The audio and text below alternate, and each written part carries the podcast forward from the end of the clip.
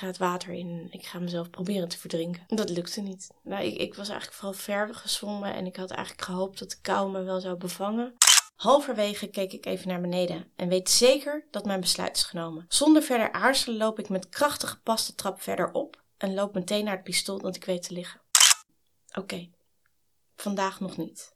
Ik beloof mezelf, ik word nooit 17 jaar. Lief luisteraar, lieve taboedoorbreker, welkom bij een nieuwe Taboecast met tegenover mij Hansje. En voor als je op YouTube kijkt, zie je twee fantastisch mooie oorbellen. Uh, gekozen door Zoontje Lief, had ik net al gehoord. Klopt. Dus uh, ze zitten erin hoor, we hebben het even over je. Nee, ja, naast dat je moeder bent, zou je even willen voorstellen dat mensen weten, ja, wie is Hansje? Ja, ik uh, ben Hansje Kok. Ik ben in het dagelijks leven traumacoach. Dus ik werk met uh, getraumatiseerde mensen die eigenlijk zelf ook een praktijk hebben vaak. Um, en voor de rest ben ik inderdaad moeder van drie kinderen. Echt onwijs lievertjes. En ik ben getrouwd, ik ben een leuke man. Um, ja, en voor de rest een grote vriendenkring. En ik ben ongelooflijk kennisjunk. Dus ik leer en studeer en zet mijn nieuwsgierigheid op alle fronten in. Dus ja. op die manier. Mooi. En jij noemt trauma. Uh, wat is voor jou precies uh, trauma? Want je zegt, ik help dus ook mensen die zelf ook weer mensen helpen. Ja. ja, trauma is voor mij eigenlijk dat wat in een bepaald moment is ontstaan. Een, een, een gebeurtenis waar je eigenlijk nog steeds in het nu last van hebt. Hm. Dus um, en, en ja, weet je, vaak heb je het niet helemaal door, want het is een bepaald gedrag dat je daarna hebt ontwikkeld. Mm. Uh, of je hebt bepaalde dingen die je tegen jezelf zegt. Of, en dat is, vaak is dat een uitloop van, omdat er iets heeft plaatsgevonden waar je ja, eigenlijk op dat moment niet goed mee kon dealen. Ja, maar dat kan dus iets kleins en iets groots zijn. Ja, het, een, een, trauma is voor iedereen zo verschillend. Er is niet een aanwijsbaar iets van en dit is trauma, want het ja, is heel individueel bepaald. Ja. Ja, nou daar gaan we natuurlijk in de aflevering meer over hebben. Ja. Maar we gaan eerst naar ons favoriete onderdeel. Not, nee. Voor de meeste luisteraars niet, omdat ze niet weten wat ze verwachten. We gaan even de oppervlakkige vragen doen voordat we de diepte ingaan. Are you ready? Yes, I am. Misschien uh, heb je het en anders moet je maar gewoon vertellen wat je favoriete muziek is. Van welke muziek hou je stiekem zonder dat anderen het weten? Ik ben knettergek op de muziek van Disney. Heerlijk.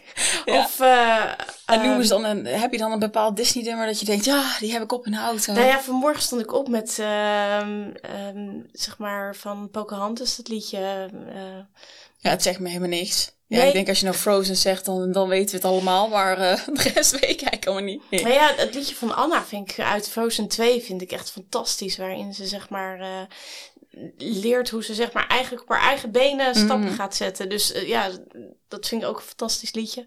Uh, de Little Mermaid, die zit zo in mijn hoofd. Die ga ik nu even doen. Nee. Ik zet je even lekker voor het blok. Hè? Ja. En heb je dan ook iets, uh, omdat je zegt Disney. Ik, ik, wil, ik ben echt helemaal Disney fan. Ik vind het zo fantastische films. Maar is dat ook de reden dat, het dan, dat je denkt van nou ja, die muziek vind ik dan ook helemaal tof? Um, ja, ik denk wel dat ik heel erg opgegroeid ben met Disney. Mijn vader die was al echt Donald Duck fan. Zijn ouders uh, waren eigenlijk vanaf het moment dat het kon zo'n beetje geabonneerd op de Donald Duck. Dus ik denk dat we een beetje met mijn vader echt meegegroeid zijn in de, in de Walt Disney's. En uh, mijn vader die, ja, die, ja, weet je, dan heb je toch een bepaalde band, denk ik. Ja, nou mooi, top. Nou, de eerste vraag overleefd. Uh, als je me hebt, we blijven een beetje in de muziekfilm, zie ik. Uh, wat is je favoriete one-liner uit een film? Mm. Ik vind jou echt een type die echt quotes onthoudt en, en, en hersenspinsels. Maar ik weet niet of je dit ook kent. Nee, ik, nee. Heb, ik heb niet... En of, of, of misschien een, een, wel een verhaal of, of, een, uh, of wel een... Weet je wel, zo'n bekend stuk uit een nummer of zo dan? Wat je, wat je wel mooi vindt? Nee, nee, ik denk dat de quote die bij mij opkomt is dan iets wat iedereen wel zo'n beetje weet. You never know what you're gonna get. Weet je wel, de, box of chocolates van uh, Forrest Gump. Ja, oké, okay, Forrest Gump, ja. Ja, dus ja, dat is dan wel een quote die, uh, die meegaat. Maar ik heb voor de rest niet echt quotes. Nee. Oké. Ik vind Loesje leuker. Oh ja, Loesje. Nou, doe ze Loesje dan. Ehm, leven is het meervoud van lef. Oh ja, check. Nou, laten we die gewoon lekker houden. Oké, laatste vraag. Welke drie dingen kun je echt niet zonder? Ehm, ik kan niet zonder mijn rugzak. Dat is echt, die moet overal mee naartoe. Het is een enorme bult. Er zit van alles in. Eh, Is dat hem dan ook? ja, dat is oké. hem ook echt. Nou, laten we hem even zien voor de YouTube-kijkers. Hoppa, dit is hem hoor. En daar ging het water. Ja, oh shit. Als er maar geen kabels liggen, helemaal prima. Ehm, eh, de- dus mijn, eh, mijn tas is echt. eh, het, is ook echt een PTSS-dingetje. Dat je dus voorbereid moet zijn. Ah, dus ik word echt panisch als ik het huis uitloop zonder mijn rugzak. Dus dat, eh, vandaar. Ik kan niet zonder Ja. mijn rugzak. Ehm, ehm, voor de rest denk ik dat het allemaal wel meevalt. Waar Ja, ik zou zeggen kan. en beer, maar waar is beer? Ja, ik Oh, beer hier. ander, a- a- achter. Ja, oké, maar die hoeft niet altijd mee. Het is beer dan hoeft geen niet paniek, altijd mee. Nee, maar die is er echt als, eh als Ja, dat is mijn morele steun. Letterlijk. Ja. En eh, ja, eigenlijk gewoon als... Ja, omdat het iemand is die mij al zo lang kent. ja. Ehm, en voor de rest geloof ik niet dat ik heel erg ben van dat moet mee of dat moet mee. Ik denk wel dat ik een beetje vergroeid ben met mijn telefoon. Ja. Ik denk dat er meerdere zijn inmiddels. dus inderdaad. ik vind het wel een praktisch ding om echt iedere keer bij me te hebben. Want dan heb je de route, je hebt je geld en je Ja. hebt, weet je wel, dus alles. Dus ja, ik dat- denk er ook soms over hoe deden mensen dat? Ja, ik ben natuurlijk helemaal, nou ja, en ik ben alsnog, weet je wel, als deze online komt, ben ik volgens mij al 30, dus ik ben niet eens de jongste meer. Maar hoe deden mensen dat? Dat je ergens heen gaat. Ik bedoel, ik, ik kijk op Google Maps en denk, oh wat fijn dat ik dat ding heb. En anders ben ik zwaar verdwaald. Ja, ik ben weer eentje die helemaal lost is dan, weet je wel. Ja, ik, ik- mijn, toen de TomTom kwam, ik heb heel veel kaart gelezen. Echt heel veel kaart gelezen. Vanaf mijn twaalfde, zeg maar, zat ik naast mijn moeder al in de auto met wegenkaarten. En, dus ik kan eigenlijk heel goed kaart lezen. Eh, Dat moest ik wel bijna, denk ik, toch? Ja. Dus als ik dan met mijn partner ook op stap was, ergens naartoe, ehm, dan had ik dus de kaarten. En hij zei altijd, ja, ik zou niet weten waarom ik een TomTom nodig heb. Ik heb een Hans Hans naast me zitten. en we komen eigenlijk altijd gewoon aan. Heerlijk, ja. Oké, maar ja, dus het is wel zo'n skill die verloren is. Terwijl die is eigenlijk best handig als je nou ergens middel in de nowhere bent, weet je wel. Van, nou ja, goed. Niet meer nodig. Niet altijd meer. Ja, nou ja, uiteindelijk zeg maar is het vrij simpel hoe het in elkaar zit. We hebben een noorden, we hebben een zuiden, we Ja. hebben een westen, Nou, we hebben een mij oosten. het.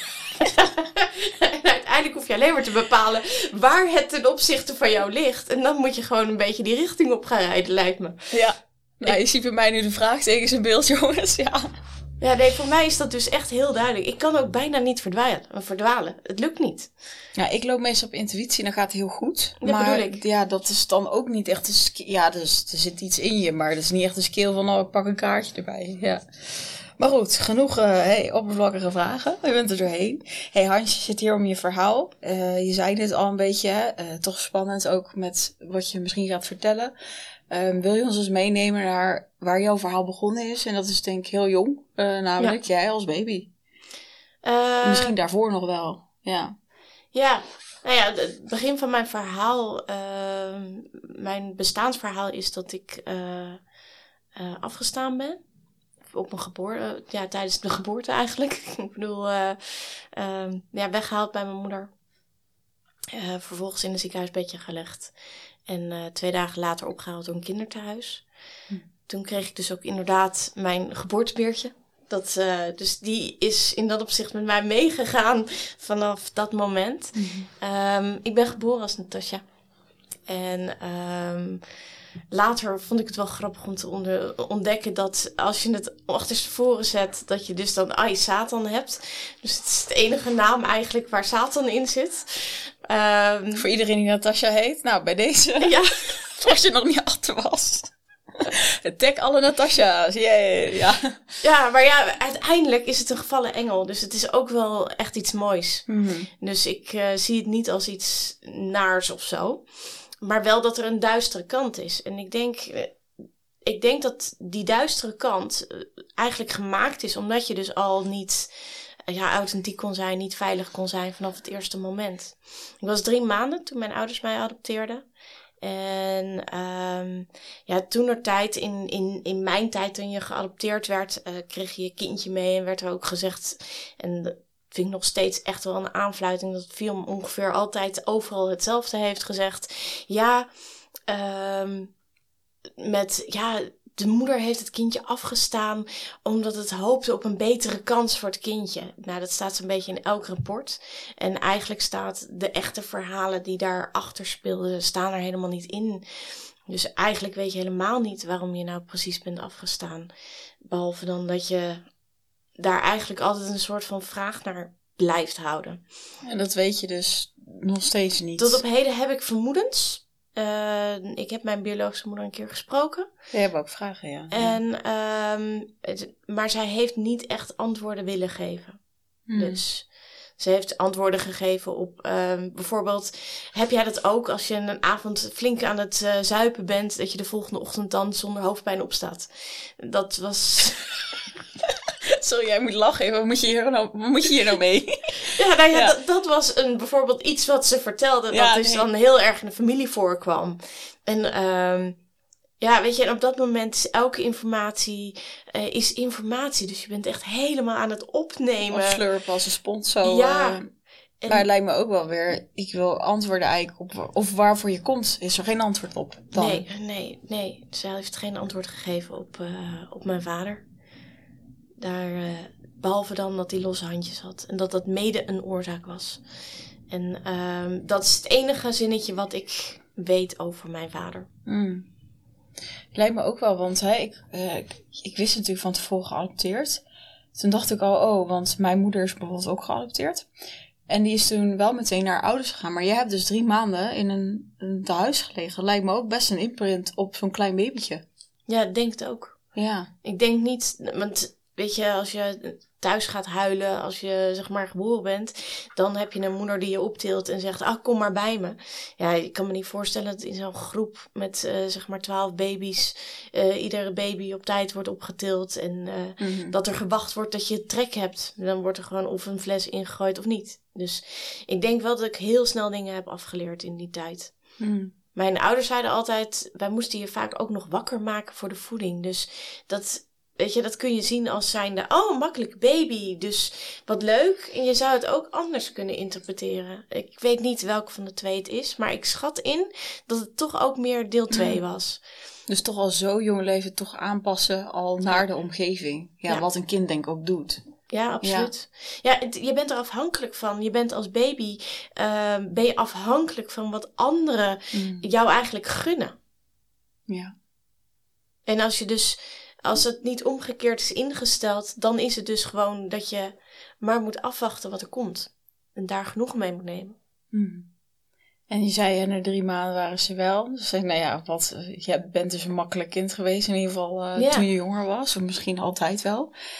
Um, hè, ik, ik, ik, weet niet hoe het is, want ik kan me gewoon niet voorstellen als je dus geadopteerd bent en je hebt ouders en die hebben jou natuurlijk niet voor niets, want die waren waarschijnlijk, die zijn super blij met je. Maar hoe voelt dat? Ja, ja, daar is misschien helemaal geen beschrijving voor. Maar. Ja, weet je, het, het, stomme is natuurlijk, het zijn je ouders. Ja. Het is niet heel veel anders dan, uh, zeg maar, de buurjongen die bij zijn ouders groot wordt. Dat mm. zijn ook papa en mama. Voor mij was natuurlijk gewoon mijn papa en mama ook mijn papa en mama. Ja. Dus dat is niet heel veel anders. Mijn vader zei ook altijd, ja weet je, een bloedverwant, niet bloedverwant, maakt mij het uit, je bent mijn dochter, klaar. Ja. Ik zou niet weten hoe het anders moet voelen, want ik, ik kan ook geen vergelijking trekken. Dus dit is wat er is, jij bent mijn ja. dochter en ik hou van je. En um, ik denk dat dat ook gewoon de beste manier is om ermee om te gaan. En andersom heb je dat dus ook zo gevoeld van jullie zijn gewoon mijn ouders. En... Ja. ja. Ja, want je hebt geen andere ouders. Nee. Nou ja, zeg je maar, hebt ze wel, maar ze zijn nooit in je leven eigenlijk geweest. Ja. Nee, mijn biologische moeder, als je daarnaar gaat kijken, ik bedoel, die heeft in principe geen rol gespeeld. Dus dat is een biologische ehm verwantschap, ehm waardoor je dus wel eigenlijk bepaalde andere dingen wel doet. En je weet dus niet eigenlijk wat je anders doet, omdat je dat meegekregen vanuit je DNA. Ja. Of dat je dat dus aangeleerd krijgt door de ouders waar je zit. Dus dat is. Maar je, je voelt je wel altijd een stukje niet compleet. Dat heb ik wel altijd gehad. En een- ook wel een beetje een bepaalde eenzaamheid. Ehm, en dat wordt altijd extra getriggerd op het moment dat je dan tijdens geschiedenis oh, je stamboom mag gaan maken. Dat zijn echt... Oh God, dat zijn echt mega nou, traumatische ervaringen is dat dan bijna gewoon in die klas. Ja. Terwijl de docent denkt, oh, we gaan heel weer wat leuks doen jongens, je stamboom. Ja, dat, is, dat waren echt voor mij waren dat hele heftige lessen. En dan moest ik gewoon niet zeuren, want dan werd er gewoon gezegd: ja, nee, je hebt toch ouders, dan neem je die toch gewoon. Uh, ja. Hey, lekker empathisch, jongens. Hey, weer, een weer een dikke duim naar het onderwijs. Ja. Nee, maar ik ben wel benieuwd van, uh, heb jij, weet je wel, heeft het dat je eigen biologische moeder je afstaat, heeft dat dan voor je gevoel nog invloed gehad? Dat weet je misschien ook weer niet van hoe zou het anders zijn geweest. Nee. nee. Nee, weet je, je, je wordt groot in het gezin waar je dan natuurlijk in zit. Ik kreeg uh, op 2,5 kreeg ik een, uh, een zusje dat ook geadopteerd werd. En ja, dan ben je papa, mama en uh, twee meisjes in een gezin. En dat is wat het is. Mm -hmm. Dus ja, uiteindelijk is het niet zo heel veel anders opgroeien. Ik denk dat het ehm, met terugwerkende kracht eigenlijk pas anders is. En hoe bedoel je terugwerkende kracht? Nou, omdat je erin zit, heb je geen idee dat dingen anders zijn. Pas als je op terugwerkende kracht gaat kijken, dan zeg je van joh, oh ja, nee, het was wel heel erg uh, makkelijk dat je je aanpaste. Mm. Of uh, een van de dingen waar ik pas op mijn 33ste achter kwam, was dat de allereerste herinneringen die ik heb vanuit mijn jeugd, die zijn al gedissocieerd. Dus ik kijk terug vanuit de hoek van de kamer waarin ik mijzelf in het plaatje zie. En dat is iets wat voor mij heel normaal was en is nog steeds, maar dat heel veel mensen niet begrijpen.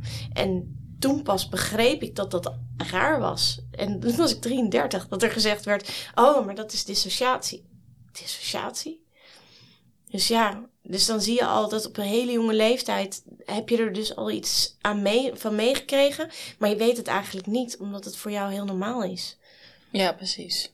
Dus totdat je meer kennis krijgt en dan alles kan zien van, oh, wacht even, waar komt het vandaan? Of misschien heeft het met iets te maken. Ja. Ja, ja. ja ik ging op een gegeven moment, ging ik, ik weet niet, ik had het met iemand erover. Toen zei ik, ja, dat is best leuk, weet je wel. Dan zie ik dat terug uit die hoek naar die hoek naar die hoek. Maar dat is vreemd. Zeg, mhm. oh ja, is dat vreemd? Hoe zie jij het dan terug? Ja, dan zegt ze, ja, alsof ik zeg maar vanuit mijn ogen gewoon rondkijk. Oh ja? Ik zeg, hoe doe je dat dan? Weet je wel? Dus dan krijg je ook wel weer die nieuwsgierigheid van, joh, hoe zou dat dan zijn? Mhm. Ik heb geen idee. Ja. Tot op de dag van vandaag niet. Nee, want je hebt altijd zo gezien. Ja. Ja. ja. Hey, en je zit natuurlijk er in de, in uh, de podcast, omdat uh, wij hadden toen uh, het gesprek gehad en jij zei van tegen mij van ja, ik eigenlijk sinds we, wat is het, dertiende zei je volgens mij, een doodswens. Klopt. Um, ja, ik denk natuurlijk 13. Joh, ik uh, ging naar. Nou ja, mij was het ook redelijk heftig om mijn dertiende. Maar ik was ook wel bezig, weet je wel, met jongens. En ondanks de heftigheid heb ik nooit gedacht. Nou ja, misschien soms, maar in hele diepe dalen. Maar niet vanaf mijn dertiende dat dat zo aan is gebleven. Dus weet je van jezelf waar dat is begonnen? Ja, ik, ik denk op mijn tiende gingen mijn ouders uit elkaar. Dus er was echt een scheiding. En dat was geen leuke scheiding. Die heeft ook uiteindelijk acht jaar geduurd. Waar er heel veel geduw en getrek was. Mijn vader werd verliefd op een, uh, een andere vrouw. En ik zag dat mijn vader heel gelukkig was daarbij. En mijn moeder was diep, diep ongelukkig. Um, en die voelde zich in de steek gelaten. En ja, weet je, bedrogen. Je kent het allemaal wel. En dat zorgde ook gewoon voor hele nare situaties waar heel veel ruzie was. Was er al daarvoor al heel veel. Maar dat mhm. was toen ook weer. Dus ze konden elkaar niet zien of er was ruzie. Um, dus het was best wel een beetje een onveilig klimaat.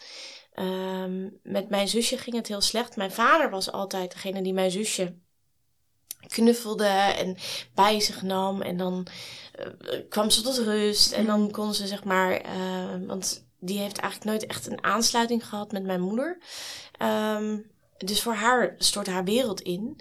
En daardoor ging ze eigenlijk uh, vluchten. Dan ging ze het huis uitlopen. En ze ging um, ja, best wel veel lawaai maken. Of gillen. Of wat dan ook. Mijn moeder kon daar op dat moment helemaal niet zo goed tegen. En toen was jij tien en was zij acht. Dus- Ja. Hm. Ja, en toen ging mijn oma nog dood, dus de moeder van mijn moeder. En dat, dat was allemaal best wel snel op elkaar. En toen was, zeg maar, mijn moeder was best wel heel erg verdrietig en niet zo heel erg bereikbaar meer. En eh, nou ja, mijn zusje, die werd eigenlijk steeds opstandiger. Ehm, we moesten natuurlijk weer verhuizen, want ze wonen in een kast van een huis. Dus ja, weet je, dat zijn allemaal van die bijkomstigheden. Als ze bij elkaar waren, was het prima. Maar ja, dan moet je ook verhuizen. Dus we verhuisden naar de andere kant van het dorp. Ehm, En waar wonen jullie? Beeldhoven op dat moment. ja. En eh, nou, ook weer gewoon in een gewoon een, een fantastisch groot huis hoor. Ik bedoel, het was echt niet een klein rijtjeshuis, maar wel een rijtjeshuis. Geen vrijstaande woning Zo meer. jongens, voor iedereen die in een rijtjeshuis zit. Ja. nou ja, Is niet meer goed, nee. nee.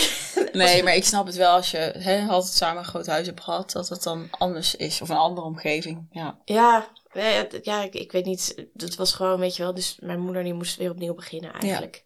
Dus binnen En anderhalf jullie jaar gingen dus wel we mee met je moeder. Ja, ik en mijn zusje zijn bij mijn moeder gebleven. En mijn vader die, eh, die is zeg maar samen gaan wonen met die vrouw. Ja, want dat lijkt me wel als je inderdaad het jongere zusje, als je juist die band hebt met je vader, dan is het ook wel moeilijk lijkt me. Want dat is je steun dan, zo klinkt het. Ja, En die gaat ergens anders heen. Ja. ja dat, was echt, dat was echt heel erg lastig voor haar. Ja. Heel moeilijk. Ja. Ja. Dus. Ja, en dan woon je daar. En hè, mijn vraag was natuurlijk van, hey, hoe is dat dan ge- gekomen Ja. dat je die gedachte op een gegeven moment kreeg? Of dat het voor het eerst dan Nou ja, ja, zo is gekomen? eigenlijk als je dus bedenkt dat ehm, er was eigenlijk voor mij niet heel veel ruimte.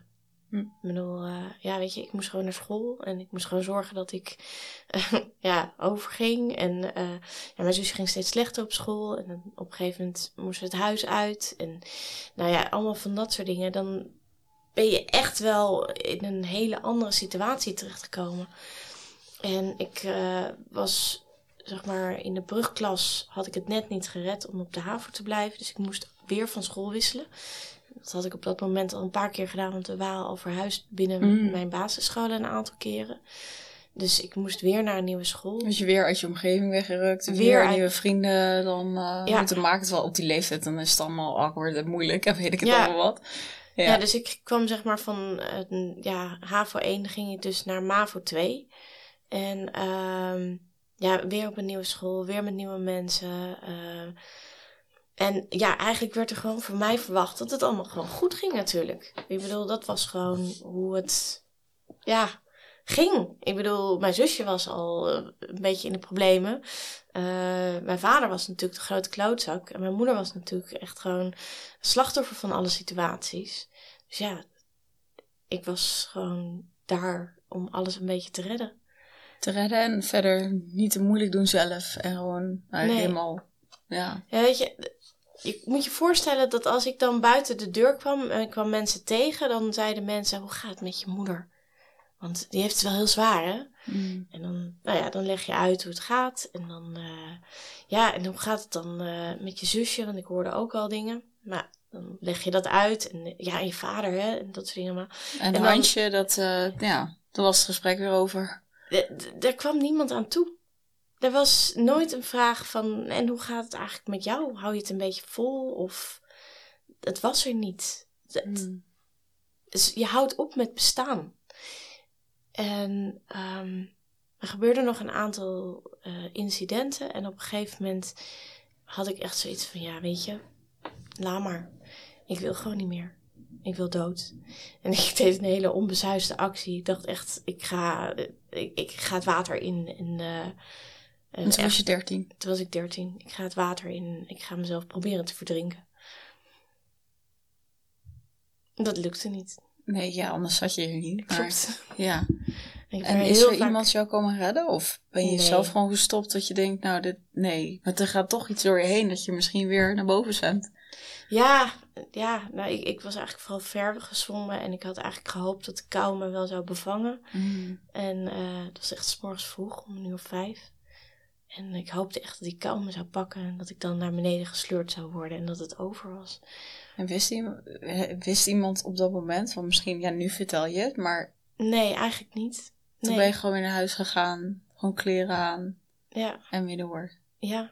jeetje, wat eenzaam. Maar dat niemand ook, snap je, dat niemand echt weet hoe het gaat. En dat gewoon, ja, je eigen kind, je eigen zus, je eigen, ja, ik word echt emotioneel van, maar een, een eigen leerling, weet je wel, dat je dat moet doorstaan aan niemand die je ziet. Nee, dat is niemand. Nee. Nee. Maar ik, het verdween niet, het gevoel. Want Mm. ik vond het echt heel erg dat het niet gelukt was. Dus in mij ging er eigenlijk steeds meer borrelen dat ik dat eigenlijk wel wilde gaan laten slagen. En ehm, tijdens een zoektocht in het huis van mijn. eh, in de kamer van mijn moeder. kwam ik een, eh, een pistool tegen. Zo eentje die je gebruikt. ehm, als je zeg maar op een boot lawaai wil maken. als je zeg maar ergens in nood bent. Zal ik het stuk voorlezen? Oh ja, jij hebt een boek mee. Ja, misschien moet je het boek even inleiden, want Ja. je... Ik eh, heb zelf meegeschreven ehm, aan een boek dat heet In de schaduw van PTSS. En daar heb ik een aantal van mijn ehm, heftige eh, trauma's die ik heb meegemaakt, heb ik daarin geschreven. Omdat dat voor mij, zeg maar, eigenlijk de triggers zijn van PTSS. Ehm, en ik ben ook in behandeling geweest. eh, om echt met deze ja, heftige eh, ja, ehm, gebeurtenissen om te leren gaan. En dat deed ik dan door imaginaire exposure therapie en door EMDR.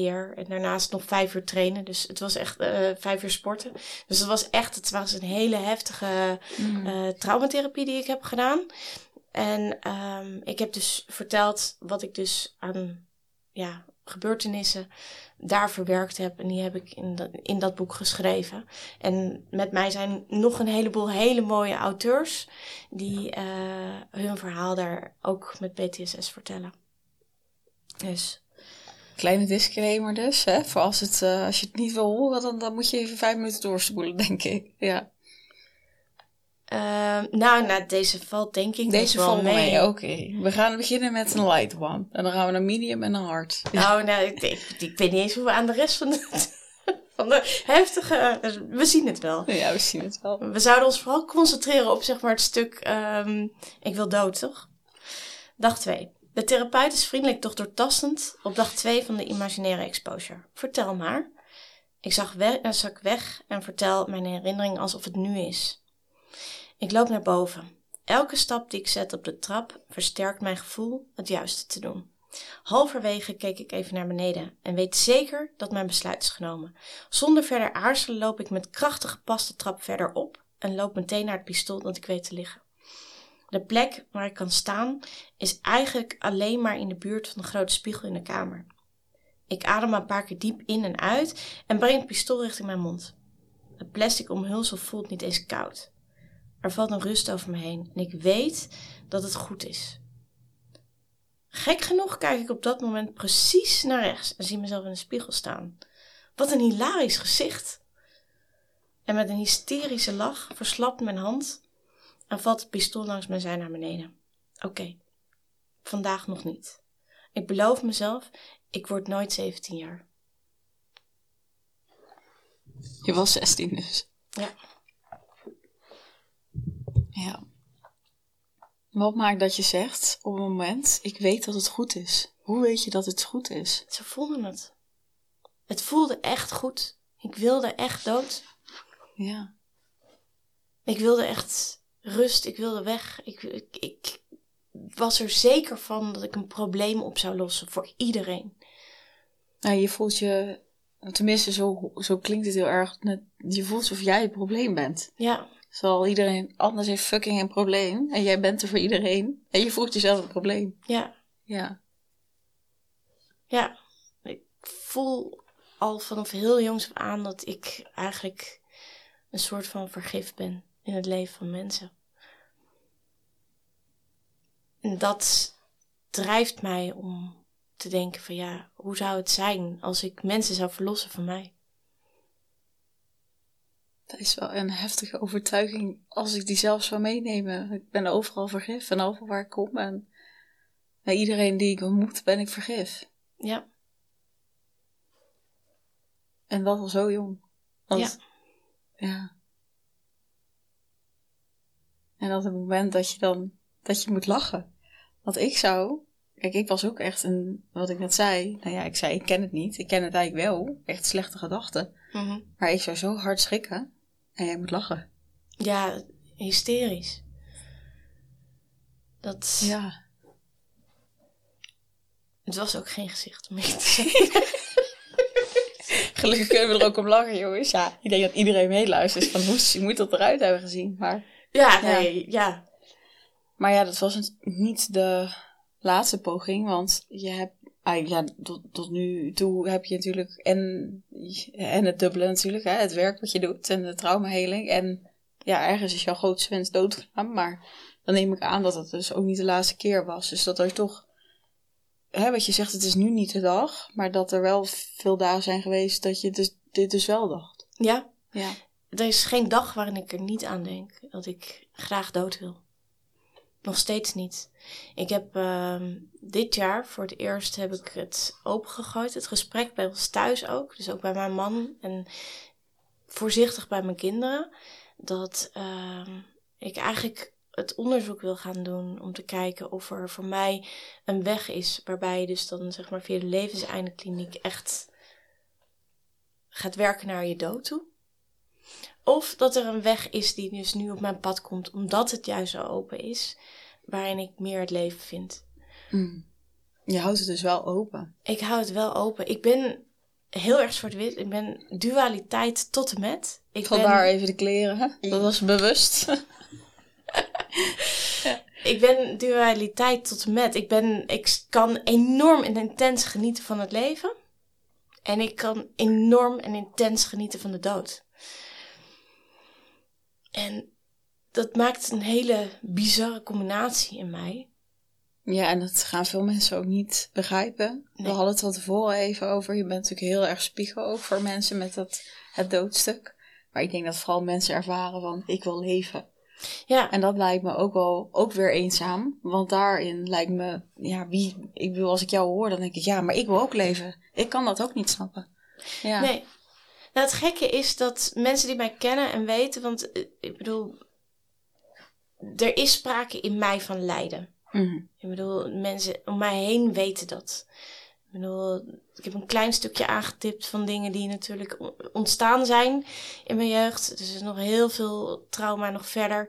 Ehm, dus fysiek ben ik niet in orde. Ik heb een chronisch vermoeidheidssyndroom. Dat geeft heel veel pijn. Dus ik leef mijn dagen in pijn. Ehm, en in vermoeidheid. En dan zeg maar met de triggers van de PTSS die er bovenop komen. Is het natuurlijk niet een gezellige dag. Er is niet een dag die je doorkomt en denkt van... Oh, nou, wat een leuke dag. Die heb je nooit. Ik heb nooit een leuke dag. Ik heb wel hele leuke momenten op de dag. Ja, oké, precies, check. Ja. En die kan ik ook zien voor wat het zijn. Maar het blijft elke dag wel de struggle. En, En, dus ook eh, elke dag de- het verlangen om dat te stoppen. En dus te kiezen voor de dood. En jij zegt, ik ben vermoeid, ik heb pijn. Ja. Hoe kun je ons meenemen wat dan is precies de schaal 1 op 10? Of verschilt dat ook op een dag? Ehm, de schaal van vermoeidheid is denk ik eh, altijd wel een 8. Het Dus, en kun je even een voorbeeld geven van wat dat voor mij dan zou zijn? Dus als ik bijvoorbeeld eh, een heel weekend heb gefeest en dan zo moe of zo, of wat? Ja, ik weet het niet. Nou, ik denk dat je het eigenlijk anders moet zien. Je moet je voorstellen dat je, zeg maar, ehm, je echt gewoon bleh voelt. Eh, Mm. Eigenlijk, je echt denkt van, nou, weet je, vandaag is een bankdag. Ja, het hoeft allemaal niet zo. En, Ja, het is een bankdag. En die bankdag, zo sta je op. Ja, oké. Maar je kan ook nog een leuke bankdag hebben of een bankdag waarvan je denkt, ja maar, oh, een zwaar en dat. Ja, en ik denk dat dat afhangt van hoe je hem benadert. Ja. Dus ik Maar zorg dat geldt ook voor jou dus. Ik zorg ervoor Ja. dat mijn bankdagen dus maar zelden eigenlijk een bankdag worden met... pff, nou, eh, vandaag doe ik niet mee. Hm. Ik denk dat dat me gemiddeld eens in de twee maanden een dag gebeurt. Maar voor de rest eh, ben ik gedreven om dat juist niet te doen. Ik ben nog steeds moeder ook. En ik ben nog steeds echtgenoot. Ik ben nog steeds ook eh, zeg maar therapeut, coach, zeg maar voor mensen. Dus eh, je hebt ook ergens dan ook niet de luxe om alleen maar te zeggen "Bleh, dat. Ik zou ook niet zo zo willen le- leven hoor. Met dat wat ik nog heb, daar, daar pak ik het meeste uit. En de pijn? Pijn moet je je voorstellen ehm, dat je een soort van ge- gekneusd voelt de hele dag. Mhm. En dat het afgewisseld wordt met alsof er een mes constant in je gewrichten wordt gestoken. Oké, nou die tweede die was dan even iets minder lekker. voor mijn gevoel. Jezus. Ja, gekneusd. Ik ben nooit gekneusd. Het klonk al niet lekker. Maar dit eh, de hele tijd dat je gewrichten... Ja. En, dat, en het vervelende is dat het dan ook gewoon in een vingerkootje kan zijn. Dus dan denk Is je dat van, nu aan de hand? eh, ja, ik heb nu zeg maar steken in mijn linkerheup. Dus die, Nou, eh, zit je er goed bij nog. Ja. Ja, toch? ja. Ja, maar ik ben het zo gewoon. Nee, daarom. Maar op een gegeven moment is dat dus je gewoon... Ja, dat klinkt heel gek. Maar Ja. dat lijkt me ook weer dat je er dus mee kan leren leven. Je kunt ermee leren leven. Ja. Hetzelfde Het met was- de vermoeidheid. Want misschien in het begin had je ook meer van die bankdagen. Maar op een gegeven is- moment train je jezelf misschien ook. Ja, wat ik ontdekte was dat als je er vriendjes mee wordt... Oh ja. Het klinkt misschien heel raar. Als zodra je in gevecht gaat met al dit soort dingen, Ja. dan, dan ben je alleen maar aan het beuken. En dat is echt, het kost zoveel energie. En op een gegeven moment dacht ik van ja, maar weet je, volgens mij ga je niet weg hè. Ik bedoel, die vermoeidheid blijft, die pijn blijft. Ja, waar, waar ben ik dan tegen aan het vechten? Ja. Nou, dan ben ik dus tegen mezelf aan het vechten. En Ja. dat is echt heel Een vermoeiend. weerstand op weerstand. Ja. dus laten we dat dan vooral ook niet meer doen. Oké, dit is wat er is. En het betekent inderdaad dat je de ene dag slechter bent dan de andere. Maar over het algemeen is het er gewoon. En dat is oké. Ja. En hoe voel je nu dat je tegenover me zit? Wat is je cijfer van vandaag? Of dit moment? Mijn cijfer van vandaag, ik ben echt heel moe. Oké. Ik ben echt heel Ja, moe. je doet het goed. Ja, dan. Ja. Ja, nee, ik heb echt dat mijn ogen echt ook echt zwaar voelen, weet je wel. Dat is echt dat je echt denkt, "Ah, ik ben echt wel moe. ja. Maar ik ben ook gewoon wel oké. Want dat zit ja, dat- ernaast. Ja, dat, En dan heb je dus weer dat soort witte in mij. Ik bedoel, ik ben dus en oké. en ik, ik heb ook de plezier hierin. Ik vind het leuk om met jou in gesprek te zijn. Onderwerp moet ik zeggen, dat vind ik niet het leukste van het verhaal. Maar ik vind het wel heel fijn dat ik daarmee naar buiten mag komen. Dat wel. ja, maar het is ook natuurlijk een beetje een taboekast. Ja, Ja, voor de spreker is het onderwerp vaak ook zelf nog een beetje spannend en nieuw. En misschien ook, ja, niet het allerleukste. Nee, Ja. Ja, dus dat snap ik wel. Ja. dus. Maar voor de rest, ja. Hé, hey, maar even terug dan in de tijd, hè. Want je zei van, eh, dan ben je 17. Ja. Oh nee, je wil, je wil eigenlijk geen 17 Ik worden. wil geen 17 Je worden. wil, nou, je wordt uiteindelijk 17. Je wordt uiteindelijk, nou ja, je zit hier tegenover me. 44? 44. Ehm, en ik vraag me af, is er op een gegeven moment dus wel iets gaan opvallen? Want je woonde nog thuis, toch? Als puber. Nee, daar is niks gaan opvallen. Maar dat is dan ook wel dat jij echt ook heel goed bent in verbergen van what's going on with me. Ja ik, ja, ik weet het niet of ik daar nou specifiek goed in was. Mijn moeder die, die heeft vooral een herinnering aan een stevige puber. Mhm. Ja. En naar mijn idee was ik niet zo'n puber. Maar ehm, dat was hoe mijn moeder het interpreteerde. Ze, ze pubert gewoon stevig. En, eh, en op mijn zestiende ben ik bij mijn vader gaan wonen. Ah, oké. Ja. En eh, op mijn achttiende woonde ik godzijdank op kamers. Ik wou zeggen, ja, wanneer ben je uit huis gegaan? Ja. Maar 18 dus. Ja. Ja, ik wilde op mijn zestiende. En toen kwam mijn vader en mijn stiefmoeder met het idee... dan eh, kom dan maar bij ons wonen. En eh, ja, maar ik was echt heel blij dat mijn vader zei... het is goed geweest. Je mag op kamers. Je mag je eigen dingen gaan doen. En En was het dan ook bewust omdat, om wat je nu vertelt, dat je zei van ik wilde eigenlijk gewoon bij mijn moeder dan specifiek op weg, daar? ehm, eh, ja, sowieso die omgeving uit. Er was gewoon genoeg gebeurd.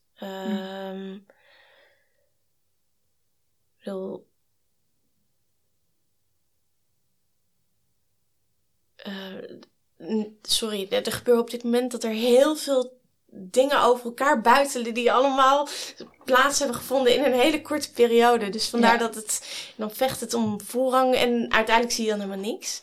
Ehm, maar ja, ja ik, ik wilde uit de omgeving ook weg. Oké, er waren ook ja. dingen in de omgeving gebeurd. En ehm, de mensen die ik om me heen had als vrienden, dat was eigenlijk ook niet zo heel veel. Dus ik, uh, ja, dat, voor mij was het goed om weer eigenlijk een soort van opnieuw te beginnen. Mhm. Maar uiteindelijk ook weer niet, want ik weer, moest weer naar de volgende school. Oh ja. ik had mijn MAVO wel gehaald, dus... Maar dus dan, hup, ja, ze wilden toch eigenlijk allemaal wel dat ik de HAVO ging doen. Dus ik kwam weer terecht op een HAVO. Ja, snap ik wel, want je bent volgens mij hartstikke slim. Ja, zo werd het niet helemaal gezien hoor. Nee. Nee. Maar je bent het wel waarschijnlijk. Maar goed. Ja. Maar toen je daar aankwam niet dan, of wat? Ja, nou, ik, ik heb het eigenlijk, dat, dat eerste jaar dat ik op die uh, HAVO zat, heb ik heel veel gespijbeld ook. Omdat ik echt, ik was kapot, ik was op, ik kon niet meer. Ik bedoel, er was gewoon, zeg maar, zoveel.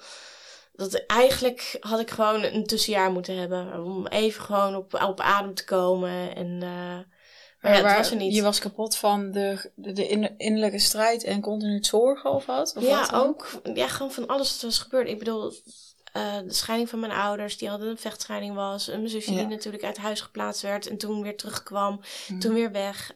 Um, mijn moeder die daartussendoor, zeg maar, het heel moeilijk daarmee had. Uh, mijn vader die natuurlijk ons wel ophaalde, maar niet, weet je wel, dan waren we daar een weekend. Het is ook maar gewoon, ook weer dat je, zeg maar, en nu ga je even hier het poppetje spelen. Mm. dus uh, alle goede bedoelingen natuurlijk, zeg maar, hier wel ziend. Ik bedoel, kan me niet voorstellen dat ze gedacht hebben van nou, weet je wel, uh, oh, we hebben twee kinderen, laten we daar vooral zeg maar niet goed voor zorgen. Uh, maar voor mij was er zeg maar meer nodig. Er was denk ik iets meer begeleiding nodig, meer zorg, meer. Uh, en ja, dat, het werd niet opgepakt, niet gezien, niet. Ik weet nog dat ik een uh, keer met een docent ook in gesprek was en dingen vertelde. En dan was het allemaal wel, oh, is lastig voor je, dat soort dingen allemaal. Maar ik denk dat ik toen de tijd al een soort van de dingen vertelde als een soort van boodschappenlijstje. Dus dat er geen alarmeringssysteem bij mensen afging. Ik kan heel rustig vertellen wat er allemaal is gebeurd in mijn leven. Op een manier waarop je denkt, oh ja, ja, ja, ja. Ja, vervelend denk ik. Ja, precies. Over eigen bescherming. Ja, heel erg eigen bescherming. En dan uh, ga je dus, of ben je 18, ga je thuis, je gaat misschien studeren of je hebt wel tussenstart. Maar dat voelt ook wel weer van dan studentenhuis. Er is ook weer niemand die echt op je let of zorgt, of misschien wel, ja, ik weet het niet. Nee. Maar dat is ook weer best alleen. Ja, ja, toch was het echt wel even heel fijn. Ja. Um, ik heb mijn HAVO niet gehaald. Oké, dus, jongens. Hey, ja, dus toen ik zeg maar uiteindelijk uh, op kamers kwam, um, had ik op een gegeven moment besloten dat ik toch nog mijn HAVO wilde halen. Maar dan wel met een vak dat ik in twee MAVO eruit had gegooid. Dus ik dacht, ik ga even met biologie ga ik slagen. Maar dan moet je dus vier HAVO opnieuw doen. En ze hadden een combinatie op een volwassen onderwijs. Dat je vier HAVO en vijf HAVO ja. in één kon doen. Een soort FAVO is dat dan of wat? Ja, geen idee. Ja maar dus dat heb ik gedaan. Dus ik heb in één jaar vier en vijf HAVO toen gedaan. En ik had mijn aanwezigheidsplicht eraf gekletst. Dus ik hoefde niet aanwezig te zijn op school. Met kerst dacht iedereen, oh dat kind dat wordt nooit meer wat. En uh, ik liep... Uh, I did it. Uh, ik liep aan het eind van het jaar met een diploma weg. Ja. Ja. Weliswaar echt het minimale gehaald van wat je nodig hebt. 1, 5 en 5 zessen. Hmm. En toen? Ja, toen inderdaad studeren. Ja. Maar ondertussen had je dus wel nog eigenlijk continu alles, alle bagage mee. Er is nog niets aan gedaan en je had nog steeds dezelfde gevoelens. Ja, ik was ondertussen wel bij het terecht terechtgekomen. Dus ik was daar binnengekomen. Ik zeg, ja, nou ja, weet je, ik wil dood. Ik uh, kom niet zo goed bij mijn gevoelens. En, uh, oh ja, ik ben ook nog verkracht. En ik, vind, ik denk dat ik wel hulp nodig heb. Zo kwam ik binnen. Nou, wel direct, toch? Ja. Op zich iemand die best weet wat ze even nodig heeft op dat moment. ja. Ja, dus ik kwam daar elke week, ik kwam keurig en dan was de vraag, hoe was je week? Ik zeg, nou, hetzelfde als vorige week. Ik heb nog steeds geen gevoelens. Ik ben nog steeds dood. En, um, nou ja, die verkrachting heeft ook plaatsgevonden. Nou, dan kom ik weer weg. En er werd niks meer gedaan? Nee, er werd geconcludeerd dat ik dan wel heel depressief moest zijn. En dat was ook zo? Nee. Ik, omdat je zelfmoord wil plegen, dat wil niet zeggen dat je daarmee depressief bent. Ik denk wel voor veel mensen dat dat wel, dat, want ik denk dat ook van hè, als je zelfmoord wil plegen, dan Ben je depressief? ben je waarschijnlijk wel eh, depressief. Ja. Hoe zou jij jezelf dan hebben genoemd? Op dat moment? Ja? Gedissocieerd. Ja, wat je al uitlegde. ja. Ja. Ja, volledig gedissocieerd. Maar het voelt echt alsof jij een soort van al, altijd een beetje in die twee dingen zit. Van oh ja, en dood. Wat je net al zei, Ja. en dat leven. En dat Ja, lijkt klopt. me echt een hele gekke combi. Is het Hoe ook? kan je het alle twee voelen, weet je wel? Ja, ik zeg het al, ik snap het niet. Maar Ja. dat vind ik echt wel reet interessant om van je te horen. Ja. Ja, maar het is echt zo. Ja. Ja. Ja. en dat het kan, want ik denk dus, oh ja, je bent dan depri, dan wil je niet leven. Snap je? Dus het, voor mij zit er al een blok, want mijn systeem werkt dus zo. Ja, maar ik wil leven, dus dan is er geen dood. Ja. Terwijl bij jou is het alle twee. Ja. Ik denk ook dat ik kan leven doordat ik de dood zo omarm. Ah, ja. Voor mij is het ehm, leven betekent eh, dat ik een achterdeur moet hebben. Hm. Omdat het zorgt voor. eh, stel nou voor dat het leven me weer eigenlijk in de kou laat staan. Of dat ik het niet aan kan. Of omdat ik ehm, zoveel pijn heb dat ik echt denk van nou, dit, dit, hoe moeten normaal mensen dit verdragen? Ehm, dan kan ik altijd nog dood. En Dus het is ook een geruststellende gedachte. Dus het is ook een beetje mijn. Ja, ik, ik flirt met beide, zowel met het leven als met de dood. Hey, dat lijkt me een mooie afsluiter van deze week. Ik flirt met beide. Ja. Hey, thanks Hartje voor eh, alvast eh, het eerste deel. Wij gaan zo verder kletsen. Maar voor de luisteraar of de kijker, ehm, ja, je zult nog even in spanning moeten zijn. Volgende week ga ik het zeker met je hebben over, oké, hebt deze wensen eigenlijk die van binnen. Wat maakt dan dat je kinderen ook hebt? Dat zal misschien ook een vraag zijn die meerdere mensen aan jou stellen. En eh, ook natuurlijk hoe voor de omgeving is, partner en eh, alle vragen die eh, nog gaan opkomen. Dus ik zie jullie of jou volgende week weer. Of jij ziet eigenlijk ons. Wij zien jou helemaal niet. Doei!